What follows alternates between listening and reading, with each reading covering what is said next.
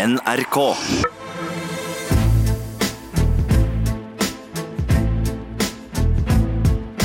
Trump mot verden med Gjermund Eriksen og Sean Henrik Matheson.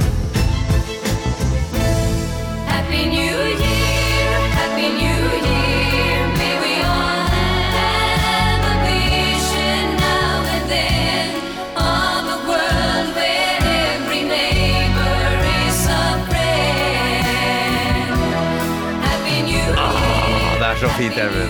Det er Ja. så fint. Det var der vi slutta. Det var her vi slutta i fjor, 2019. Eh, Happy New Year med ABBA, selvfølgelig. Men det er ikke der vi er. Nei, det er jo ikke det. Vi er på dag to i 2020, og vi er allerede her. Å, fy søren. Ja. Åh, intens eh, musikk, eh, Gjermund. Fy søren. Hva er det vi hører for noe? Nei, det er noe av det mest ubehagelig spennende jeg så på film eh, i nyere tid. Ja. Dunkirk. Ah, Eh, ja. Og tenkte at eh, det kunne være bra å starte 2020 med å snakke om spenningen knytta til hva som kan skje i 2020. Eh, og det hadde vi tenkt til før det som skjedde i natta natt. Ja, fy søren. Altså, for det som har skjedd i Iran, gjør ikke dette noe mindre spennende. Altså, Den iranske generalen Qasim Soleimani ble jo drept i et droneangrep eh, i Bagdad i natt. Ja, og det visstnok tilsvarer eh, lederen for spesialstyrkene i USA. Ja. Eh, og det er, ble omtalt som den nest mektigste. Ja. Og som vi snakka om rett før jul, at dette passer Donalds dramaturgi Ja. om hva han hadde tenkt til i 2020. Å bruke Iran som antagonist, hvor han kan få vise styrke og handlekraft. Ja. Eh, og så skjer det på dag to. Nå er ikke det noe eh, Det var ikke noe dartpil vi kasta ut der akkurat. Det er ganske mange som har påpekt at det er sånn han vil tenke om eh, spenning. Men eh, at det skulle være med den kraften, og at han som Anders Giæver vel kommenterte i dag tidlig. Uh, han tar en leder Dette er ikke en militærleder i en uh, statsløs militærleder. Nei. Dette er en som sitter nærmest i regjeringen deres Mm. og blir drept på, i et tredje lands, Ja. på et tredje lands jord. Han rapporterer kun til den øverste lederen i Iran, eh, Ali Khamenei, Gjermund. Ja. Ja. Og det er jo mange ting som er å bekymre seg for i forhold til hvordan eh, Donald Trumps USA utvikler seg, men dette er en av de tingene jeg har vært mest redd for. Og hvis vi skal ta tilbake spenningsmusikken Og i, i Dunkirk, Ja. den illustrerer nemlig veldig godt hvordan spenning brukes. Eh, det er jo en film om et av de store øyeblikkene i andre verdenskrig, Ja. hvor England må trekke vekk styrkene sine. Eh, og hvor eh, det eneste du vet, er at mange liv gikk tapt. Noen liv ble reddet. Så følger du tre skjebner. Mm. Og så begynner filmen i det tempoet her. Og jeg syns det var veldig rart å sitte på kino Mm. så se en fyr løpe. Mm. Og så etter fem sekunder så begynner det å skytes ganske vilt rundt den. Mm. Så tenkte jeg, De kan ikke holde det trykket her gjennom en hel film. Mm. Uh, men det klarte de. Mm. du følger tre skjebner. Og mot slutten av filmen så måtte jeg gå ut og ringe sønnen min bare for å få litt varme inn i livet mitt. Det er noe av det mest ulidelig spennende jeg har sett. Så jeg anbefaler den. Men den er også mulig å ta fram hvordan man bruker spenning, for det gjør man i politikk også. Ja, okay. de, de gode strategene. Ja, ja. Er, vi snakker da modes of interest. Det er nettopp det gode gamle modes of interest som det er greit å repetere litt i forhold til 2020. Ja. For det er flinke folk som kommer til å planlegge utspillene på begge sider her. Ja, ok, Men da forklar hva modes of interest er. Jo, Det knytter seg til hva vi som seere vet, og hva hovedkarakteren vi lever oss inn i vet når vi ser en fortelling. Og um, greiest å illustrere det med er at uh, la oss si du er en detektiv, eh, du skal inn i et skummelt hus, uh, og der inne er det en morder.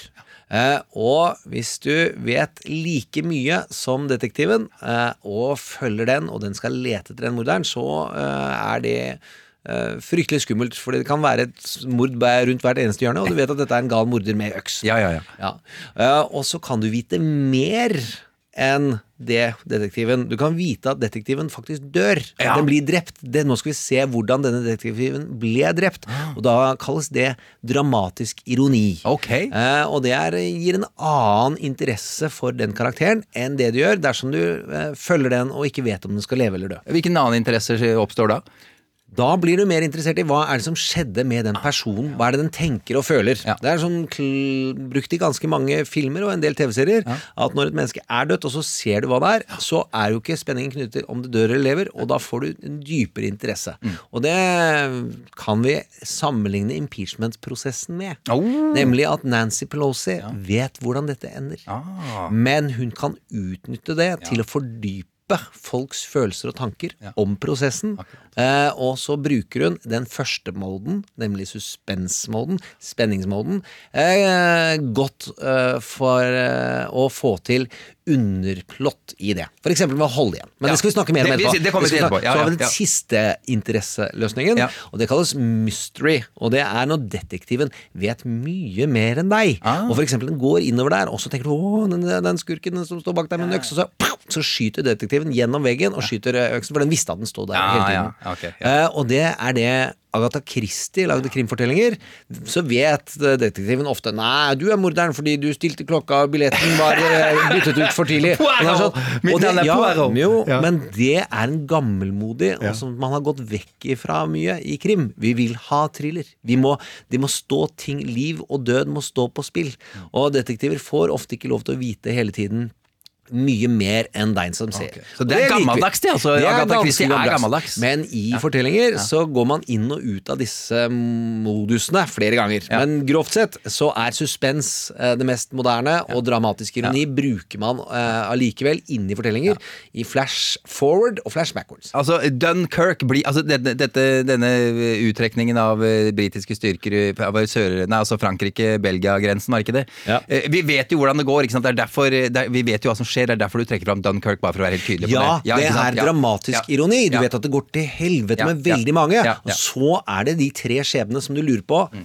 Er det blant de som gikk til helvete, eller er det de som overlever? Eh, og da får du to interessekonflikter som eh, Nei, interessemoduser Ja. som styrker hverandre. Eh, eh, Og 2020 blir det som Dunkerque, tror du? Ja, det er jo det Den musikken vi hørte, det er jo sånn jeg har det inni meg knytta til amerikansk politikk hele tiden. Om hvordan går det med Nå er det Iran, og det er Nord-Korea, og det er India versus Pakistan. En ting som vi, vi får se hvordan det utvikler seg også i 2020. Hvordan vil det eh, gå i forhold til Kina? Og det er bare det som skjer på utsida av USA. Det er eh, government shutdown. Det er med her og med der. Og sånn går det unna hver eneste dag. Og alle disse, som vi har sagt, hver dag teller for å vippe én stemme til den ene siden eller den andre siden. Du, bare for å, jeg, kan, eh, jeg har lyst til å lese opp et par tweets eh, fra, fra Donald eh, for noen Ja, år siden. Ja, det er veldig for å bygge Ja, for å bygge suspens. Hør på dette her. 10. oktober 2012. Now that Obamas poll numbers are in tailspin, watch for him to launch a strike in Libya or Iran. He is desperate. Det var oktober 2012. eh, 25. september 2013. Remember what I previously said. Obama will someday attack Iran in order to show some, order to show how tough he is. Ja, Disse tweetene kom jo utrolig raskt og hyggelig Ja. inn på vår Facebook-side. Ja. Eh, Trump mot verden, som dere Ja. kan søke fra- fram der. Eh, men det var noe av det første jeg tenkte på når jeg våkna opp Ja. altfor tidlig i dag tidlig. eh, på grunn av en ting jeg skulle ha fiksa på verandaen i jula, som blåste. men glem det. Uansett våkna opp og tenkte det her er jo manuset til Donald, eh, som han følger.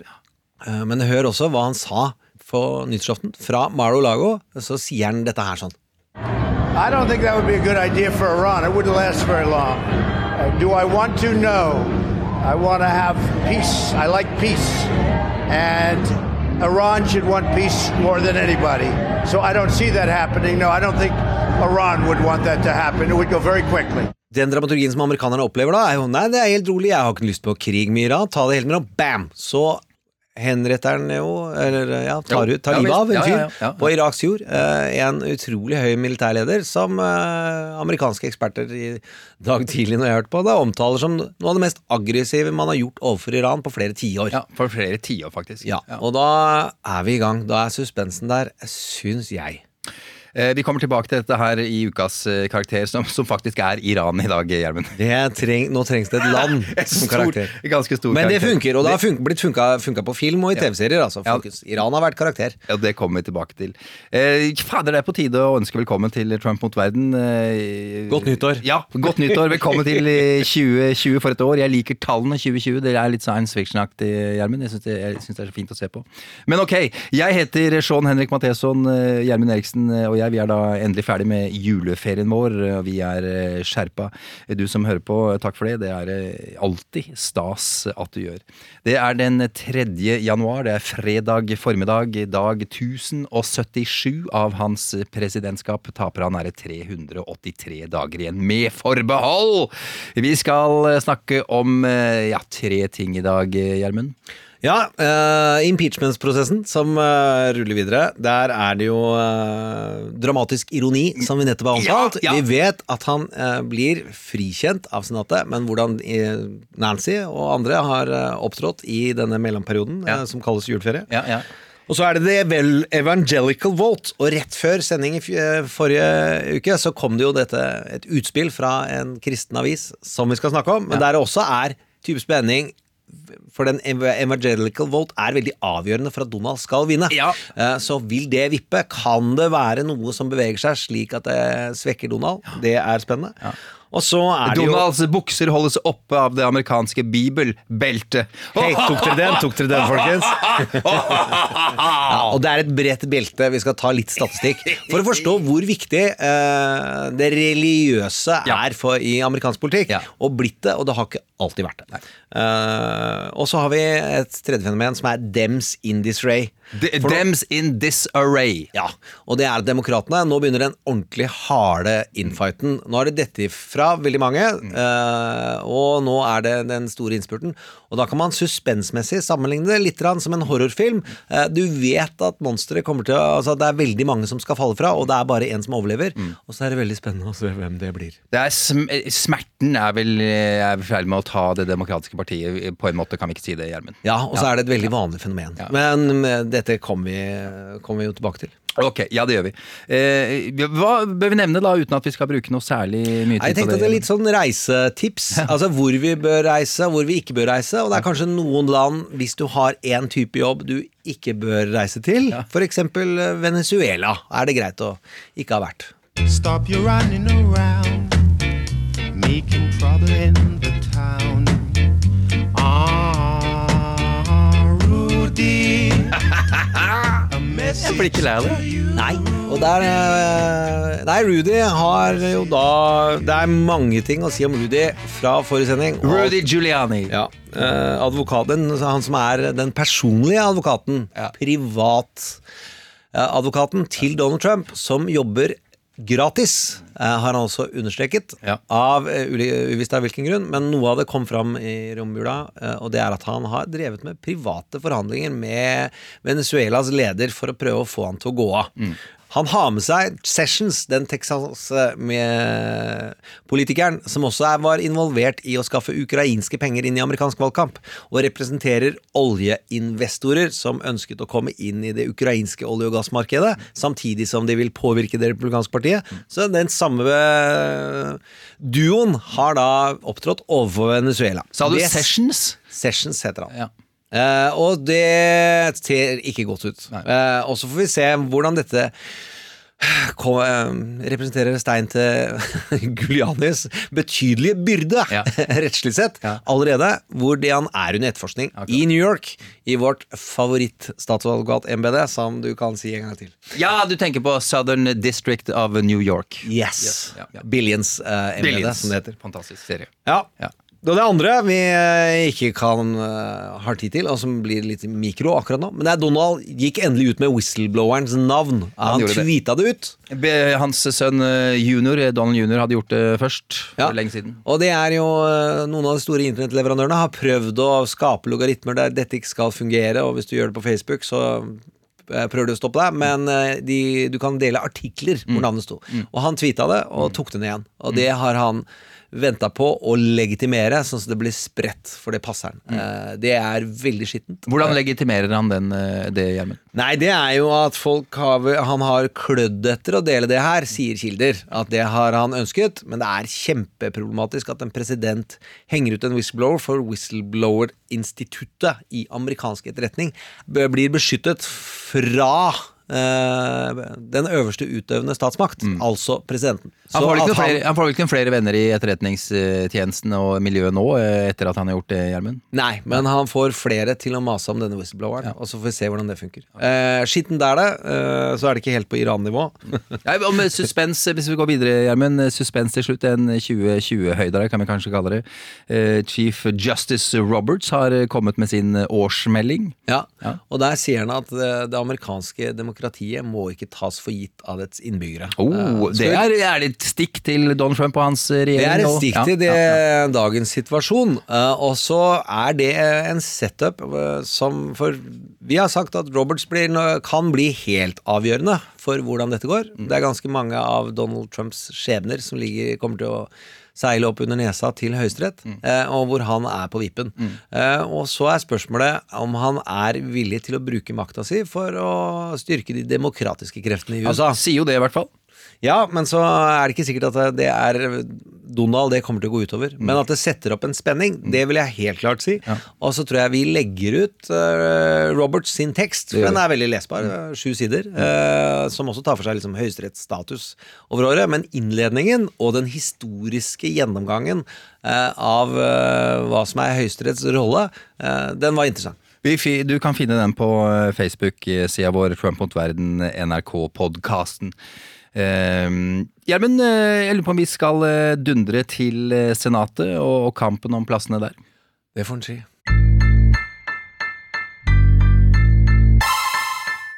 Lisa Murkowski, eh, har du hørt om henne? Hun sitter i Senatet, hun representerer Alaska, og hun er republikaner. Hun er såkalt senior senator. Seniorsenator, det er hun fordi hun sitter, eller har sittet i Senatet lengst av representantene fra Alaska.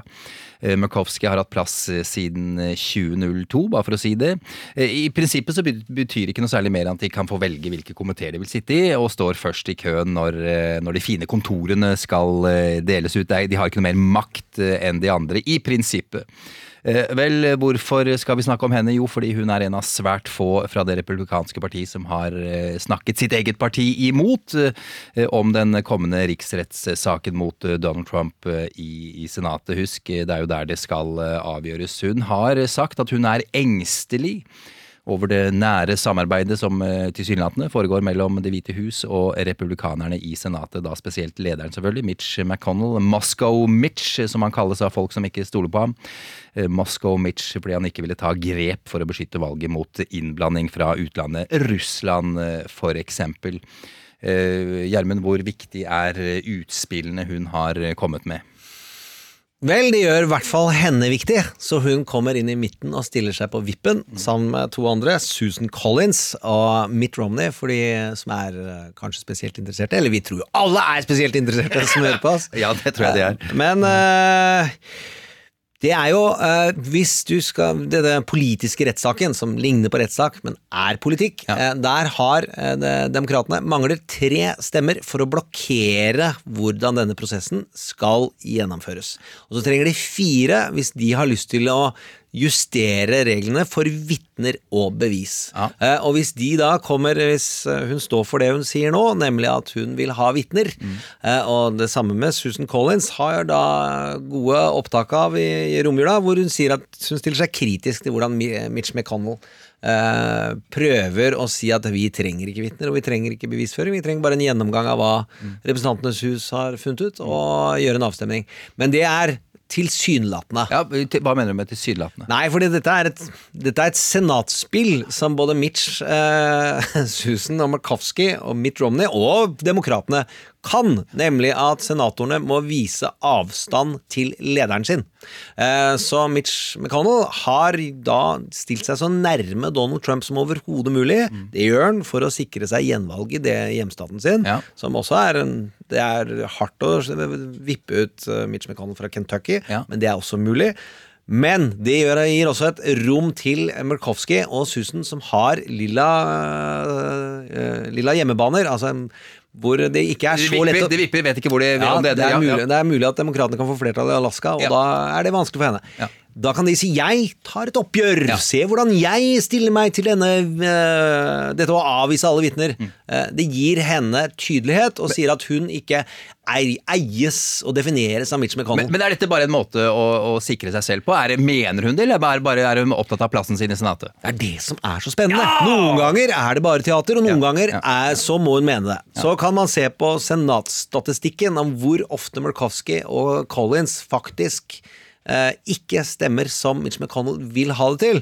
Og det er ikke så ofte. Mm. Nei, Men det er i disse grensetilfellene hvor vipping blir interessant. Okay. Så får vi se. Eh, men Susan Collins har også sagt det samme, at hun syns at dette virker litt rart fra Mitch McConnell sin side. Og så må man også huske på forhandlingsteknikkmessig Ja. fra Mitch McConnell sin side, så tar han den ekstreme posisjon. Jeg vil gjøre alt som Donald vil. eh, Fordi da har han noen, vei, noen meter å gå for å møte Chuck Schumer. Ja. Fordi Chuck Schumer er eh, lederen for Demokratene Helt riktig. I Senatet. i Senatet. Og så er det jo mange kilder som sier at det er veldig mange republikanske senatorer som ikke ønsker parodien på en rettssak. Hvordan kan den oppstå? Hva skjer når det blir en parodi? Eller hvordan kan det skje? Nei, det er hvis du gir det mikrofon til de mest rabiate senator- senatorene, som det ikke er så himla mange av, i, og hvor de får eh, dratt inn Hunter Biden og alle som har vært eh, på fest med Hunter Biden, og virkelig får eh, prøvd å ja, det trekker inn alle sider av privatlivet til sønnen til Joe Biden. Ja. Eh, Så kan det, Det bli vil ikke republikanere engang være med på, er det det du sier? Nei, det blir eh, Det tror de ikke kommer til å stå seg for Senatets rykte og renommé over lang tid, og anstendigheten som de trenger for å bli valgt i sin hjemstat. Mm. For der er det ikke gerrymandering. Det er jo viktig med Senatet. Hvilken stater da? I, Nei, altså, i, i, I delstater så Ja. er du ikke Du må bli valgt av alle dine innbyggere. Ja, så du får ikke for, som senator, ja. ja som senator. Så du har en mye breiere forpliktelse til hjemstaten din enn man har i Representantenes hus. Gerrymandering er jo en, en, en måte Men det tar vi ikke nå. Nei, okay. det, det, må det får vi ta på egen, vi skal ha egen gerrymander-sending. Ja, men det er en måte å litt på et vis å manipulere stemmene i valgdistriktet, ikke sant? Slik at uh... Det, det er en politisk legitim, har det vist seg. Høyesterett har sagt at det er eh, politisk lov til å flytte eh, det, Tilpasse valgdistriktene sånn som de blir valgt. Nettopp. Eh, Det er greit å ha det på plass også. Eh, Det er ikke alle som har hørt om gerrymandering sånn uten videre. Vi kunne tease, vi kunne sett på som en tease. Ja, det kunne vi. Men du, det har også kommet eh, nye opplysninger i jula, Gjermund. Ja, Det er jo at noe, en publikasjon ba om innsyn i e-poster fra Det hvite hus til Office of Budget Management, de som styrer pengene til Ukraina og resten av verden fra Det hvite hus, og hvor det viser seg i de e-postene at øh, Donald Trump har gitt tydelig beskjed om at pengene skal holdes igjen. Eh, Til og, Ukraina. Ja, og det øh, ja, Først var det anonymisert og fjernt vesentlige detaljer, og så har jo klart, journalister klart å få ut de ekte e-postene under der igjen. Og da strammer det til seg, og demokratene sier nå har det blitt en forverring. Vi må ha flere vitner, og vi må ha flere bevis inn i uh, senatsaken. Nå eh, er det jo ikke slik at status endrer seg. Nei. De artiklene ligner på de de var. Ja. Uh, det, vi har hele tiden trodd at Donald Trump har vært ansvarlig, uh, og så blir det verre for disse menneskene som jobber i regjeringen og i administrasjonen, i hvordan de har løpt og gjort mot bedre vitende. Nemlig, de vet at Kongressen kontrollerer disse pengene, og at det ikke er lov å holde igjen. Og han som skriver e-posten, ber dem vær så snill å holde dette hemmelig. uh, og det er ikke lov. Nei, og det, jeg lurer på om det var tids uh, timeframen her, for å snakke godt Ja. norsk, var på 90 minutter eller noe sånt. Ja, og det er bra reaksjonstid. Da fungerer byråkratiet. Men- Det var noe sånt. Ja, men Ja. det, da kan man bare grue seg til helt frie tøyler, uh, hvor raskt eh, Donald Trumps ønsker og innfall kan gjennomføres. Men det er eh, trusler om, eh, om enda flere artikler, eh, Gjermund? Ja da, det er jo i dette suspensspillet hvor uh, Pelosi har kommet med flere alternativer i hvordan dette kan trakteres. Eh, så har du sagt at det kan godt komme flere eh, tiltalepunkter. Det er flere ting vi kan vurdere.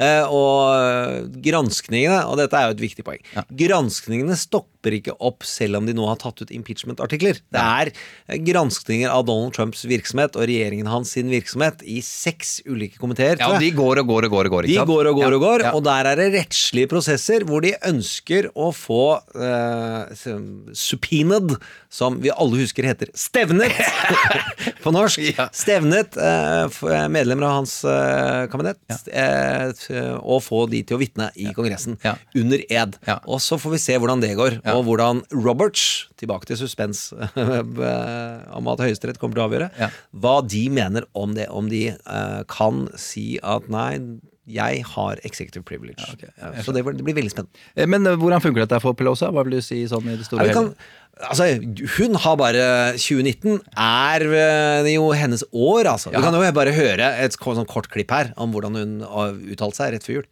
Our founders, when they wrote the Constitution, uh, they suspected that there could be a rogue president. I don't think they suspected that we could have a rogue president and a rogue leader in the Senate at the same time. Ja, hun er knallhard eh, som alltid, Pelosi, og tydelig klokkeklar. Klokkeklar. Og det man kan si, er at dette har fungert til hennes fordel så langt. Hun har eiet det som kalles narrativet, nemlig mikrofon, der forventningene er knyttet til hva er det hun vil gjøre, mer enn hvordan har Mitch tenkt til å behandle dette. Eh, og så har det kommet fram flere mulige strategier eh, som hun kanskje har tenkt ut på forhånd, eh, for hva hun kommer til å prøve å bruke dette til å blokkere. Det er jo veldig interessant det der med at hun da kanskje ønsker å gjøre talen til Altså State of the Union, denne talen som Trump holder en gang i året. At hun skal, og den er ikke så langt unna. Er det i februar? Er det ikke tidlig februar, Gjermund? Jo, hun vil prøve å redusere effekten av SOTU, som det omtales i West Wing, eh, TV-seriesammenheng, og som etter hvert man kan eh, begynne å late som man er på Sefferen med sjøl. Poltus, ja. President of the United States of America, Ja. eh, og så har man SOTU, som er State of the Union. Ja. Som er en eh, tale som forteller om eh, rikets tilstand, ikke sant? Holdes en gang hvert år Ja. i, i Kongressen, Ja. og som er eh, flytter meningsmålinger når den er formulert riktig, og timingen er riktig. Mm. I fjor så hadde jo Donald dratt i gang government shutdown, som er en av de få hendelsene i fjor som faktisk gjorde at han ble mindre likt av sin eh, hardcore base. Mm. Og da er det slik at hvis eh, rettssaken i Senatet ikke er over eh, før Soto er, så kan ikke han stå og skinne i sine egne øyne Mm. i Senatet og si 'jeg er frikjent'.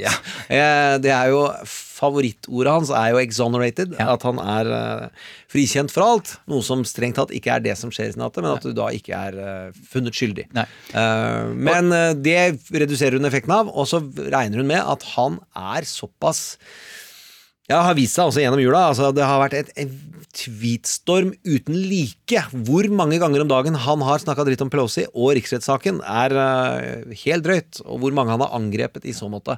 Og at talen dermed kan være Donald overboard og virkelig ødelegger mer for seg selv enn det han vanligvis At han kan miste det på talerstolen, er vel det kanskje noen uh, håper på, da. Ja, det, uh, det har han gjort sjelden, men eh, det har skjedd, det òg. Ja, at han ranter i vei, da, er helt Det er ja. folk livredde for Ja, i hans nære omgangskrets. Eh, og at han gjentar f.eks. Helsinki-tabbene, hvor han står og sier eh, at Putin Nei, jeg har ikke noe tro på etterretningssjefene mine, jeg tror på Putin her, jeg. Det er, det er sånn eh, Det er det det er, det er ikke én eneste rådgiver Nei. rundt Donald som Nei. syns er lurt. Nei, det skjønner jeg. Og hvordan Donald kan tro det er lurt, det finner vi ut i løpet av det året her, kanskje. Uh, vi, skal, eh, ja, vi skal til kristenfolket, Gjermund. Det er rett over jul, så sømmer det seg. Trump mot verden med Gjermund Eriksen og Sean Henrik Matheson. Ja, vi skal til eh, kristenfolket, de religiøse. Vi skal snakke om evang evangelicals i amerikansk politikk. eh, Evangelister. En eh, viktig gruppe, Gjermund. Eh, Hvorfor er det det? Det er fordi det er en fast og trofast stemmegruppe som har hjulpet det republikanske partiet til makt eh, fra Ronald Reagan av. Eh, var også under Nixon, men fra Reagan av og under Bush-årene så har det vært en av de mest trofaste støttespillerne, og som er en klippe også i Fox News-berget. Men hvorfor er evangelistene på, den sida, for å si det sånn, Gjermund?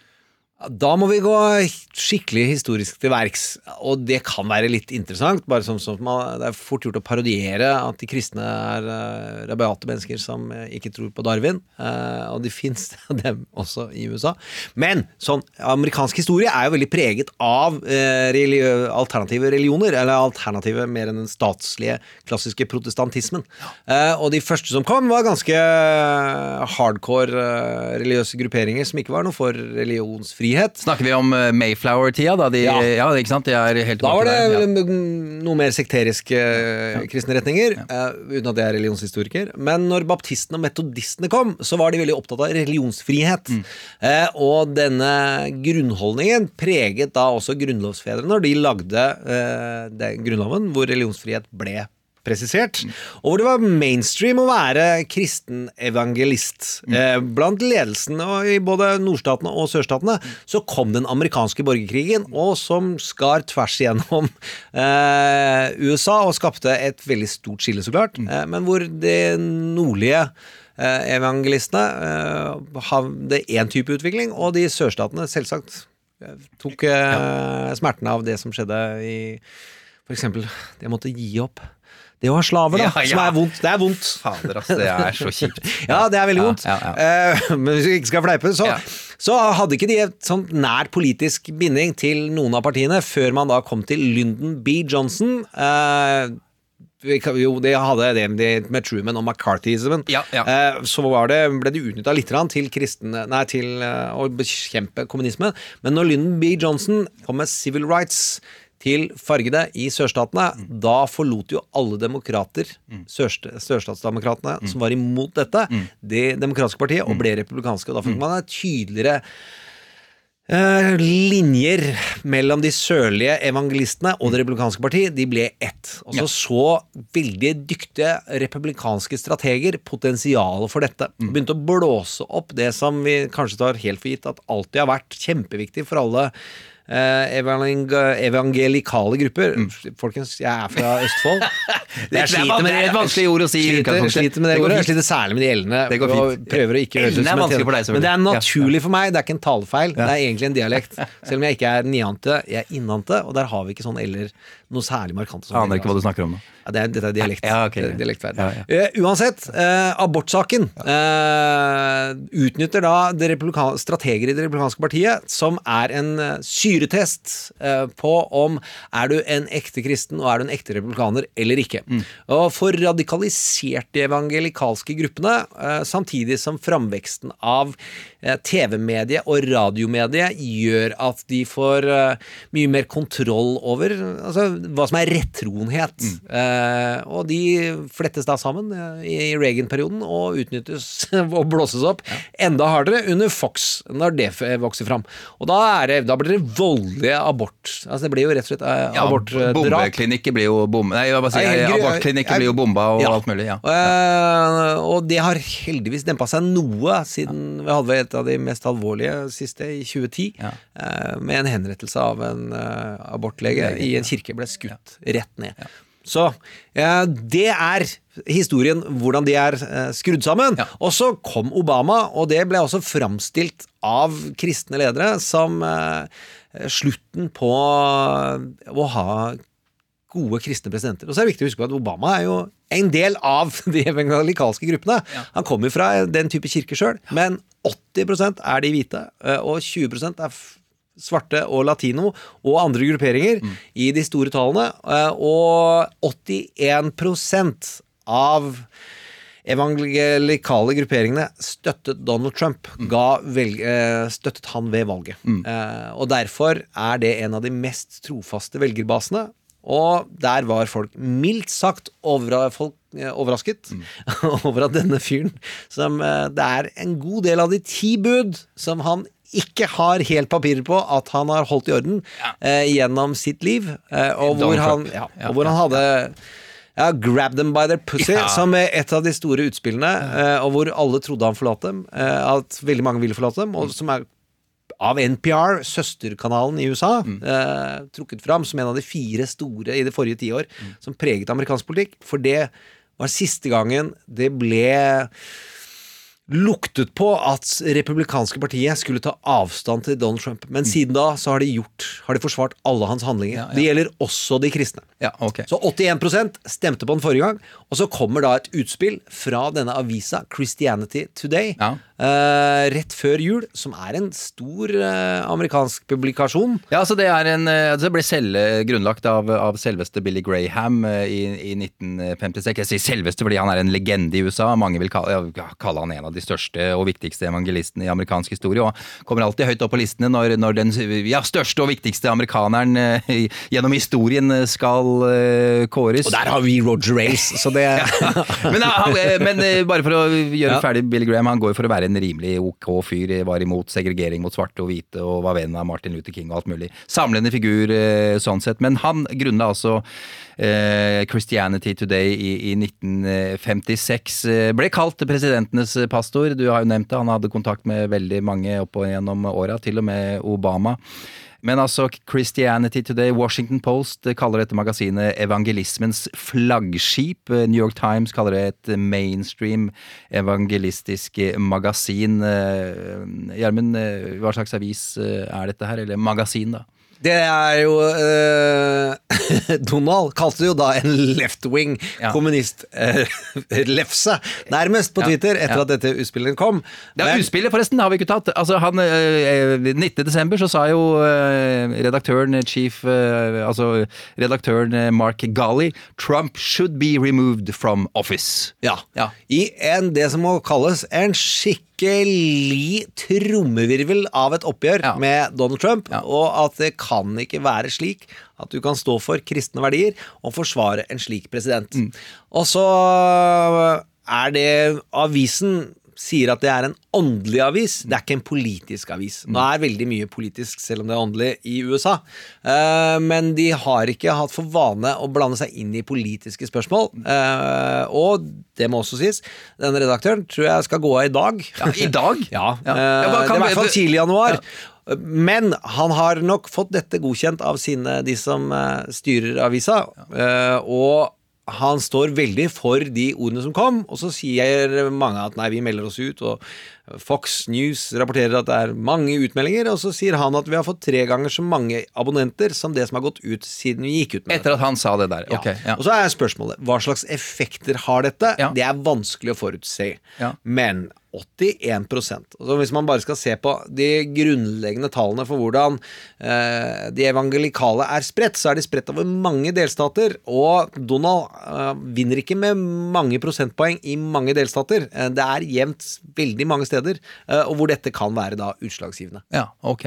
Men Gjermund, hvor mange er de da til sammen i det amerikanske folk, for å si det sånn? Nei, det, ifølge Pew Research Institute så er det 25 av USAs befolkning som identifiserer seg som evangelikal på et, annet, et eller annet nivå. Ja, ja. Eh, og så er de Veldig mange flere av dem, 50% av dem, er i sørstatene. Ja. Eh, Er de, men de har bestemt seg allerede, de, de, tror du det, eller er, Nei, kan de også har, vippes? du har North Carolina, som, hvor det er veldig jevnt, eh, og hvor man lurer på om det kommer på vippen i det neste valget, og hvor eh, både fargede og latino er evangelikale i stor grad, de også. Eh, katoli, så er det 15 i, midtve, i Midtvesten som tilhører eh, denne religiøse gruppen, og så tror jeg det er 8 nordøst, og hvor de er veldig underrepresentert i både den offentlige samtalen og i verv, og hvor du får denne store skisma mellom eh, sørstatene og nord, er knytta til sørstatene. Og nordøst, og dette forferdelige California, selvsagt, som bare er liberal craziness. Uh, Men, men, men dette betyr jo at uh, evangelistene vil jo gi oss en voldsom spenning, eh, Gjermund. Nettopp. Ja. Og det er av den type spenning som, hvis vi tenker oss Game of Thrones eller et godt Shakespeare-stykke, eller om du vil tenke på Ibsen, de som er tett på vår antagonistiske kraft, og som vi tenker kan komme over på det gode side, Ja. der kan de enten komme over og gjøre oss utrolig glade, eller så kan de komme over og komme over, og så skuffer de allikevel. Ja. Og ok. der Så vi vet Ja. Ja. Det er jo en hemmelighet som jeg går ut med i dag, at jeg er jo ikke den som stemmer på Donald Trump, og hvis jeg hadde hatt stemme, så hadde jeg ikke stemt på han. Yes. Eh, Men det knytter spenning til om Murkowski, Susan Collins Ja. og Mitt Romney Romney alle har den samme spenningseffekten som disse eh, evangelikale har. Og så har vi fått en veldig bra lyttermelding, nemlig at det er stor forskjell på evangelikal Ja. og evangelist. Ja. Evangelist er, evangelist er jo Matteus Lukas Markus. Ah, ja, fader, det er jeg Ja. som surrer med det, det, er- begreps, er- begrepene i dag. jeg. Ja, jeg beklager det. Og så er det Ja. noen som bruker evangelist om televangelist. Ja, ja, ja. Altså det er noen av de som kaller seg det selv, Okay. men uh, til dere som er religionshistorikere og Ja. andre Ja. hypereksperter okay. blant våre lyttere, Ja. bli med til neste stikk! Men du, takk for, at du, takk for at du passer litt på der, Gjermund. Ja, men vi skal til, vi skal til vår spin-off-serie. Eh, Demokratenes kamp om å vinne tilbake tronen. En horrorserie. Yes, it is game on for 2020. All eyes are now on who will run for president in 2020. It Sounds like a game show, but it's not. One of these candidates could be the next president. Det er game on for 2020. All støyen fra riksrettssaken mot Donald Trump eh, kan gjøre det at det er litt grann vanskelig å få med seg spin-off-serien til Trump-drama. Eh, akkurat som den eh, foregår litt i, bakgrunnen. Eh, det gjør ikke noe mindre spennende eller viktig, og det har Ja, det begynner å dra seg til, for å si det mildt. Vi er i ferd med å gå inn i en avgjørende fase i demokratenes kamp om å vinne tilbake presidenttronen fra republikanerne og Donald Trump. Det var en debatt rett før jul. Den svingte det ganske bra av. Buttigieg, denne yplingen fra Indiana, fikk verbal juling av Elizabeth Warren fordi han var på et pengedonorarrangement i en vinkjeller, men han ga henne en vinge på haka rett tilbake og sa at hun hadde en formue på hundregangeren av det han har. Så ikke stå der og lat som at jeg er rik, men ikke du, osv. Burned, kan vi kalle det. Joe Biden fant endelig formen. Amy Klobuchar viste styrke. Bernie Sanders ja, ikke så verst. Men det var før jul. Nå drar det seg til. I går kveld trakk enda en kandidat seg. Julian Castro, eneste med latinobakgrunn, var borgermester i byen San Antonio i, i Texas. Også den yngste ministeren i Obama sin regjering. Han var minister for ja, hjem og byutvikling. Det er min oversettelse av det han holdt på med. Eh, nok om det, han er jo ute allikevel. Eh, Gjermund, er vi nå i en slags eh, Robinson-mode, der én og én skal vekk fra øya? Ja, for det, dette er dyrt, det krever mye ressurser, ja. og det er også kvalifiseringskravene til Det demokratiske parti. Og det er en ny debatt om veldig kort tid, og der er det per nå bare fem av sju igjen som er kvalifisert. Og hvordan blir man kvalifisert? Du må ha nok penger, og så må du ha nok eh, støtte på meningsmålingene. Ja. det er de to hovedkrava. Ja, ok, greit. Og så får vi se om det er flere som kommer. Men den forrige debatten det viste at de har blitt flinkere, men også at det sømmer seg i debatten at de blir færre. De får mer taletid og får vist seg mer fram. Ja. Eh, vi eh, nevnte Dems in disarray eh, innledningsvis eh, i dag, Gjermund. Ja. Hva betyr det? Det er et medienarrativ. eh, og en medieklisjé, kan man på mange måter si, altså. Eh, og det er hvordan det omtales når demokrater har infighting. Det vil si at de angriper hverandre, noe man skal gjøre i personvalgsfokuserte USA. Ja. Så er det en del av idretten, eh, og som er veldig unorsk i hvor mye personangrep det er. Men eh, det er bare én som kommer til å vinne, og det kommer de til å holde på med. Og da har eh, klassiske legacy media, og ikke minst høyremediene i USA, en egen evne til å virkelig trykke på gasspedalen i å overdrive hvor stor uenighet det er mellom disse kandidatene. Ja, hvordan gjør de det? Eller, Nei, det er jo at dems in disarray. Altså, Ja, det er helt ja, håpløst. De klarer ikke stå for noen ting. Og hva er det de egentlig mener i helsereformspørsmål? De, de vil jo ingenting i utenrikspolitikken, og gud veit hva de vil med utdanning. Du, du, du. Eh, så er det det fenomenet at noe av det er litt riktig. Eh, altså, Demokratene er et stort parti med, hvor bredden av meninger, meninger er mye større. De har f.eks. ikke en ensrettingsmaskin kalt Max News, som forteller alle hva de skal tenke til enhver, Ja. uh, tenke til enhver tid. Ja, ja. Eh, og så er det Så er Det demokratiske parti mer enig enn på lenge. Det betyr at personangrepene og de personlige kvalitetene, det er der angrepene vil ligge. Men blir de ikke fanget av det? Altså, er det ikke sånn, gjør de ikke det at de, de, de får alltid negativ omtale? Jo, men det må de da utnytte til sin fordel. Ja, Det er sånn det, sånn det bare er. Eh, Så det må man klare å utnytte. eh, Du har, og- du har jo sagt at du gruer deg til denne delen av prosessen som kommer nå. Det, det, det Ja, det blir mye liksom. sutring og klaging, og Ja, hvis vi husker bare hvordan det var før mellomvalget, en favoritting jeg liker å gå tilbake til, for da var det veldig mange som sa at Nancy Pelosi og Det demokratiske partiet har ingen plan. De vet ikke hva de snakker om, og hva er det de mener om helsereformen, og hvorfor sutrer de om den, og hvorfor er alle disse lokale kandidatene så forskjellige. Og så vant de mye mer enn noen gang. Og så kan man si at det var en strategi, og så kan noen si at nei, men det gjør de alltid i mellomvalg. De har ikke vunnet så stort i mellomvalg på veldig, veldig lenge. Okay. Uansett, det blir fryktelig spennende Ja, hvor- oppsummert blir det veldig spennende. ja, Ja, ja. det tror jeg det er viktig å si, altså. og, det, og enda verre blir det hvis man tenker på hva Jennifer Rubin tok fram i, i går. Hvem er det? Jennifer Rubin er det som var en erkerepublikansk kommentator i Washington Post eh, før. Eh, og har forlatt eh, partiet, og er nå da Og har skrevet en blogg som ble kalt The Right Turn. Og som jeg opplevde som utrolig høyreradikal Ikke høyreradikal, for det er jo egentlig høyreekstrem, men veldig på høyresiden eh, under Obama. Ja. Eh, men hun er nå en av de største Trump-kritikerne, og da gikk hun gjennom de ulike meningsmålingene for hvor mye eh, Hvor godt likt er eh, Donald Trump? Hvor mange tror at han lyver? Hvor mange tror at han faktisk klarer å gjennomføre politikken sin? Og hvor mange tror at han har gjort noe kriminelt? Og der er det ikke Det er mange inni basen hans som tviler på eh, Donald Trumps sannhetsgehalt og hvor likende han er. Eh, Hans tall er veldig dårlig. Eh, og da er hans eneste mulighet Fordi han er ikke flink til å gjøre seg mer likende. Det har vi testa over fire år. Hans evne er å trekke ned den andre.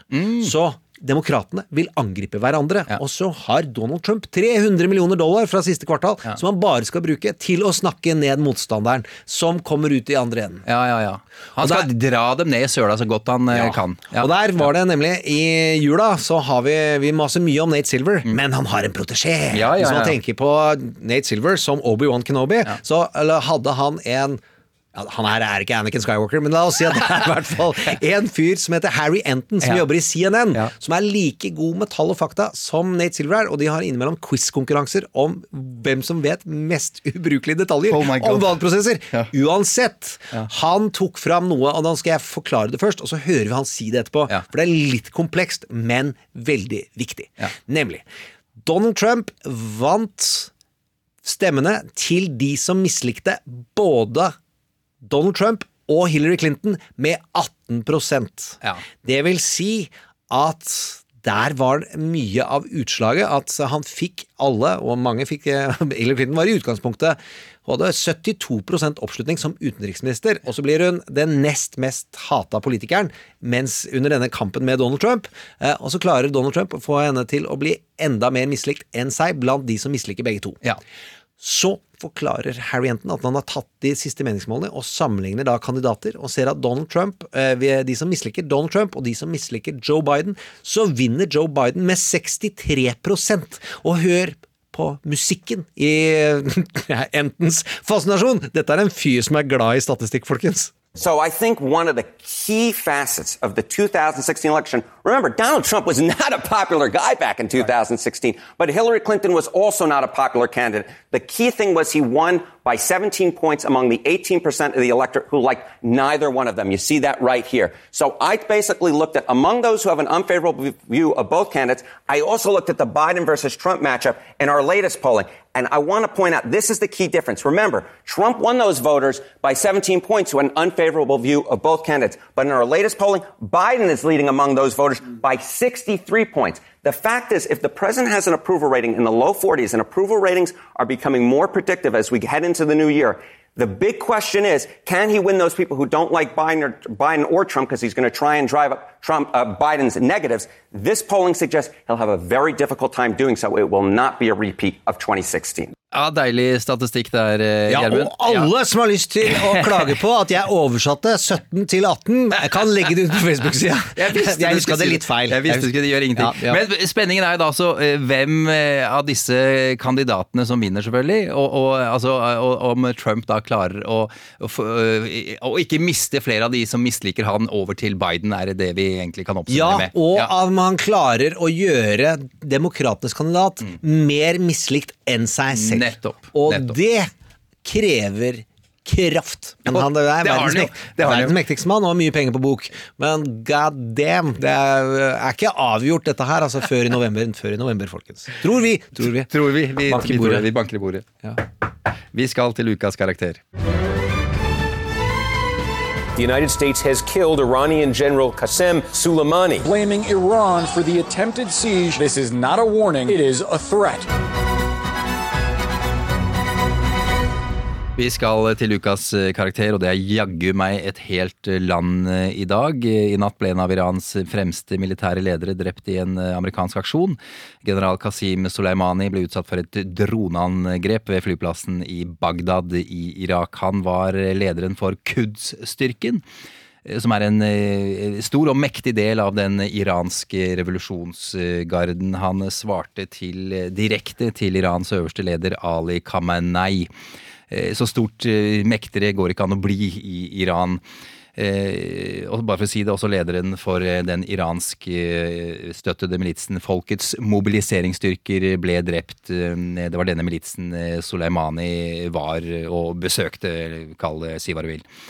Eh, hvem var denne lederen, Gjermund? Ja, Det er skrevet masse om en tidligere, lenge før dette, som jeg anbefaler folk å søke opp. Eh, Det var glimrende delt eh, fra New Yorker eh, av Hilde Restad, tror jeg, om hvor viktig denne personen var allerede i 2013. Mm. Og det er også veldig bra på framstilling på NRK TV allerede, som ligger ute på internett, som man kan gå til. Eh, Det jeg syns, og jeg kjente ikke til den, for jeg er ikke en iransk ekspert. Jeg følger amerikanske nyheter og hvordan amerikanske nyheter diskuterer utenrikspolitikken. Men det som kommer fram der, er jo at uh, dette er en fyr som er i uh, regjeringen. Uh, og det er ikke vanlig å ta ut regjeringsmedlemmer på denne måten. og at han var en politisk leder, militærleder og en kulturell personlighet i Iran. Eh, Visstnok så er navnet hans ble skrevet på veggen under de demonstrasjonene som var i Irak, på ambassaden.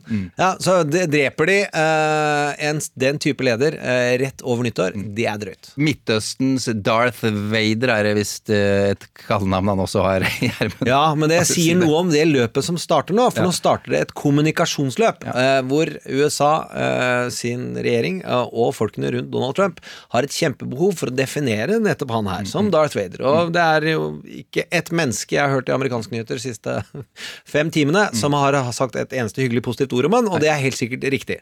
Men det skal nå også eh, framstilles som en rettferdig handling. Det skal framstilles som en strategisk lurhandling. Eh, og det får vi jo se eh, hvordan utspiller seg framover. Ja, det det, ser ut som, eh, virker som om dette er en, nesten et personlig angrep fra Donald Trump. Han har i hvert fall vært veldig opptatt av at det er han som har bestemt at dette skal gjøres. Og han har støtte fra de aller fleste republikanere også. Så vidt vi vet nå foreløpig, i hvert fall på formiddagen i dag. Ja, og Cory Booker, han som hadde trukket seg fra valgkampen, han stilte opp i Last Word i går og skulle egentlig snakke om hvordan dette utvikler seg i impeachment-rettssaken, men det ble jo Iran-prat isteden. Eh, og Han også sier at dette er ikke en militærleder som eh, noen ønsker at eh, har det bra, eller nærmest skal være i live. Men konsekvensene av å ta livet av han, det har man, vil jo Booker si, at man ikke har oversikt over. Eh, og at det er ikke tradisjon for å ta ledere eh, eh, i denne type angrep, så er denne fyren som amerikanske medier framstiller, da, eh, sjef for etterretningsoperasjoner som har eh, amerikansk blood on their hands. Ja, ja, ja. Så han er nærmest en terrorleder. Ok, vent litt, grann, bare spor tilbake. Jeg er ikke ekspert, Nei, så, nei. men han blir omtalt som en som da driver med state-sponsored terrorism i de amerikanske medier. Det er viktig at jeg ikke later som jeg sier jeg sitter med Iran-boka, som jeg alltid har lest på.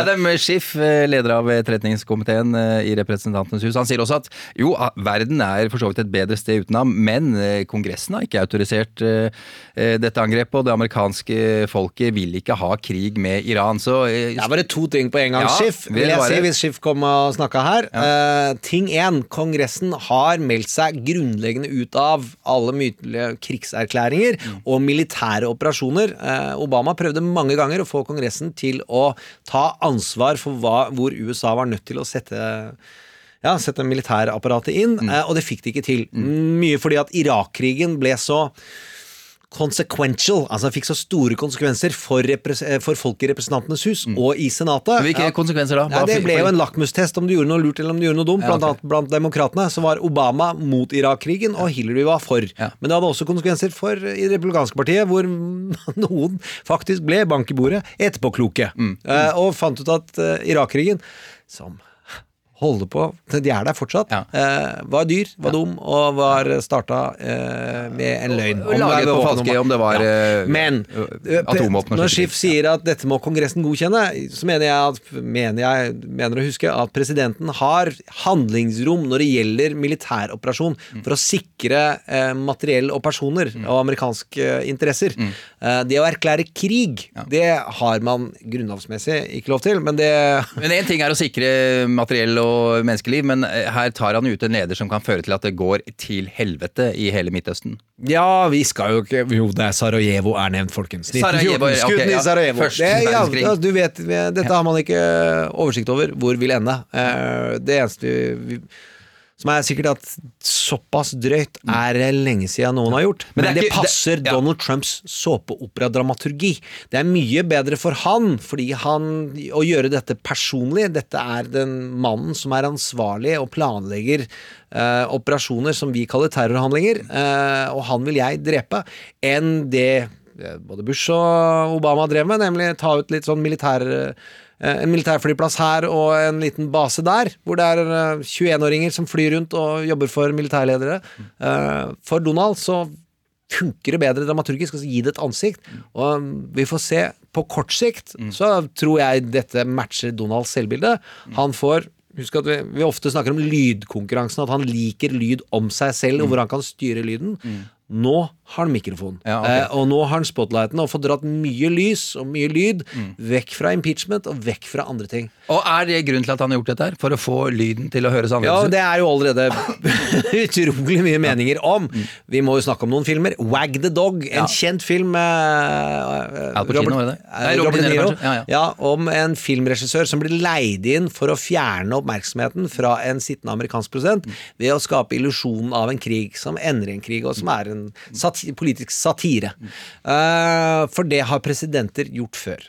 Nå må det sies, og man lurer på om det er noen også som er utrolig moro, lagt ut på vår uh, Facebook-side. Facebook-side. eh, sammenligningen med Bill Clinton, som også gikk i en konflikt med Iran når det var impeachment-prosess. Men da hadde det vært terrorangrep mot amerikanere og saudiarabere, som han svarte på.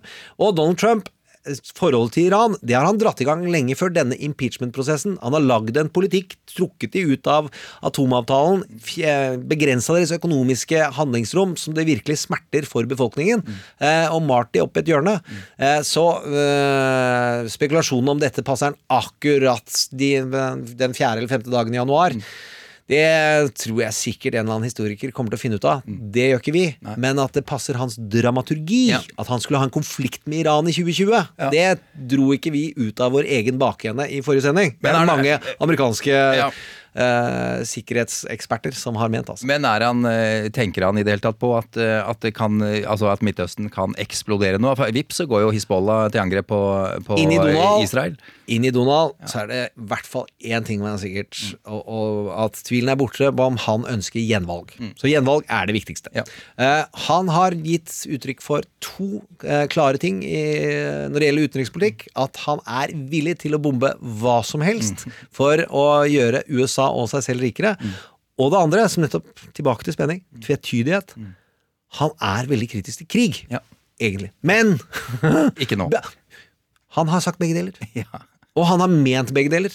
Og det er det at vi lever lineært i historien. Vi tar dag for dag. Donald lever mell... Altså han forholder seg ikke til tid og sannhet, sånn som vanlige mennesker. Så for han så er det fullt mulig å være utrolig skeptisk til at man skal gå til krig, og være villig til å gå til krig.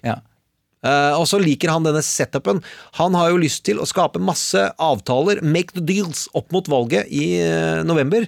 Og være the dealmaker og levere på det at uh, jeg gjør hva som helst. Med alle mulige diktatorer, annet Nord-Korea, og med her og med der. Eh, mens han trenger ett sted for å sette ned foten, og det er det amerikanske eksperter har sagt. Å bruke Iran og få litt konflikt, men at det skulle dra i gang såpass, så raskt og så hardt og så fort. Det vet vi jo ikke om var planlagt, men eh, at det skulle skje så tidlig i januar, eller om eh, Iran også vil dette. For det kommer også fram i amerikanske medier. Ja, hvorfor vil de det? Nei, det er jo krefter i Iran som har lyst på et sterkt og hardt forhold til USA, og nærmest være i krig, slik at du får fjerna de liberale kreftene og får brukt knipetanga på innbyggere som kunne tenke seg en viss viss sekularisering og handlingsrom. Eh, for det er utro... Det er jeg kan ta en liten reklame for at jeg var dundrende inkompetent. Jeg er inkompetent på iransk sikkerhetspolitikk. Nei, Men jeg har blitt slutt. kjent med fantastiske iranere som har sagt at det synet på iranere Det er så utrolig mange folkeslag som bor i Iran. Utrolig mange som ikke er radikale religiøse grupperinger, men som da lever under dette regimet, og som kunne tenke seg at eh, det kom en annen vind. Kanskje la oss håpe at en arabisk vår, som faktisk var en arabisk vår. Ja, det var dagens eh, lille meningsløse Ja, men det, nei, det var ikke meningsløst i det hele tatt. Kast Men det- ønske om solskinn inn Ja. i det et jækla mørke. Så er- får vi se. det er lov. Men Eh, det er viktig å se Argo-filmen Ja, for å friske opp. Husk at Iran har endret amerikansk historie før, Mm. kan man si. Carter røyk. Fordi han eh, ikke fikk til eh, det å redde nok folk i, Gisselsituasjonen. i gisselsituasjonen, eh, som noen sier var avgjørende for hans presidentperiode. Nå hadde, sleit han med andre ting på hjemmebane, han hadde hivet hele regjeringen, og det var en vind som blåste i Reagans retning allikevel på den tida. Men den bevisstheten hos Iran, de har endra valg før. Hvilke, hva er det de ønsker å endre? Ønsker de at Donald skal sitte, eller vil de at Donald skal dø? Det, altså, jeg mente gå. Ja, Tape. Det var ikke en. Freudian slip. Jeg unner veldig få død. På hvilken måte kan vi snakke om Iran som karakter, da, hvis vi skal gjøre det? Ja, Det er jo nettopp at de, er en, eh, de har en egen vilje inn mot den sittende presidenten. Eh, uansett om det har vært Donald Trump eller ikke, så har denne nasjonen vist at den har påvirket hvem som blir president eh, før. Og det er det ikke mange land som kan ha. Det er jo, De får ha en egen klubb med Putin og Iran eh, og noen andre som har klart å påvirke det i den retningen. Og det er det grunnlovsfedrene var livredde for. At andre land skal avgjøre hvordan valg gjennomføres. Og så er det det det er brukt veldig godt i Homeland-serien. Kan ikke gå gjennom hele plottet, men se fra perm til merm alle sesonger, og den siste sesongen kommer nå. Eh, se Argo og se eh, Wag the Dog.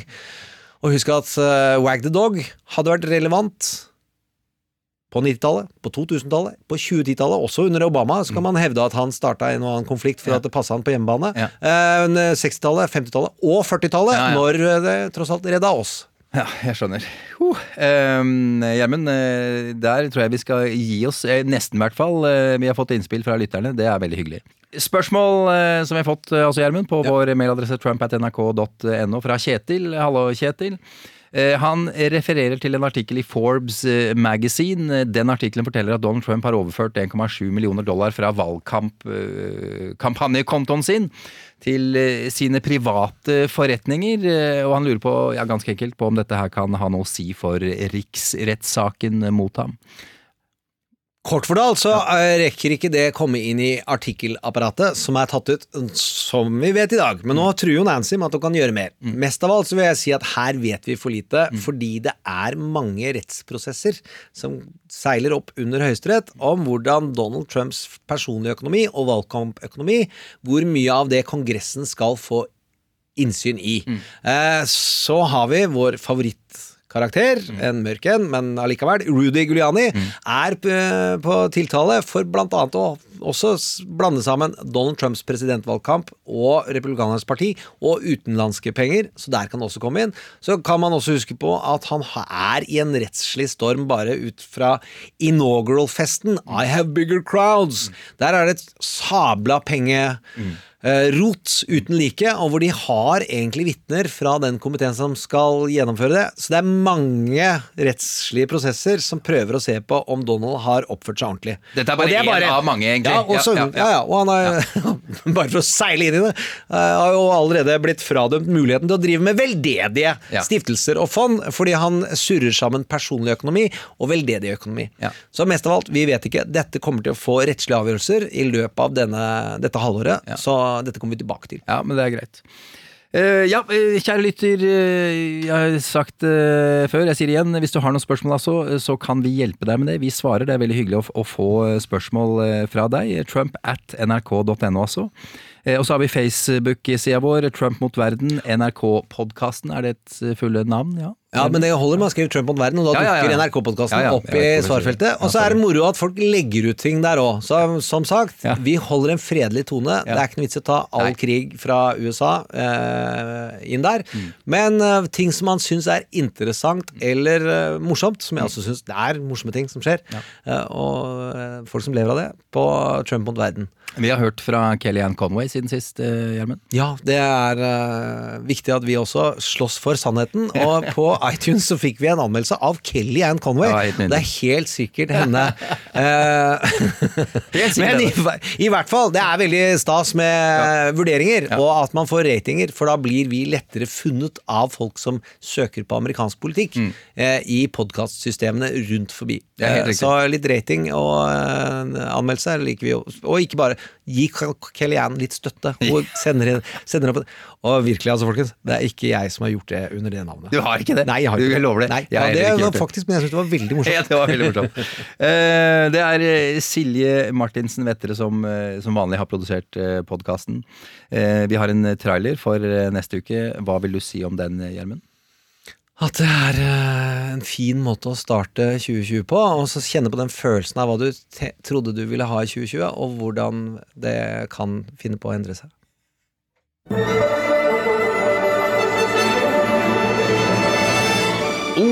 Skal bli godt å legge seg ned og slappe av litt. Ta helg etter en lang og ganske hektisk periode med julefeiring. Og tenke på egne familiedrama. Men aller helst på andres, og aller helst andre som ikke finnes. Dra til en vingård i California. Slektens overhode Angela Channing, den hjemkomne og hyggelige Chase Gilberty og antagonisten Richard et eller annet, men skummel og sjarmerende iallfall. Uansett familiekrangel om vin virker så 2020 er her.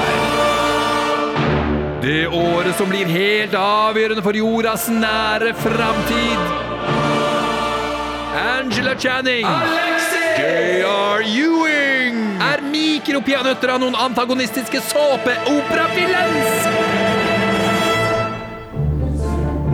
Dette kan bli Trump-dynastiets tiår. Om ti måneder og noen knappe dager er valget klart. Og hver eneste dag er avgjørende. For hver eneste dag kan noen overtales til å stemme noe annet, eller til å stemme i det hele tatt. John Smith, for eksempel, den høyst levende sønnen til John Doe. Hvis han tenker at nå får det faen meg være nok, for så all sin arbeidsinnsats ned i å få så mange som mulig i sin delstat til å stemme på det en som kan redde USA, Donald Trump!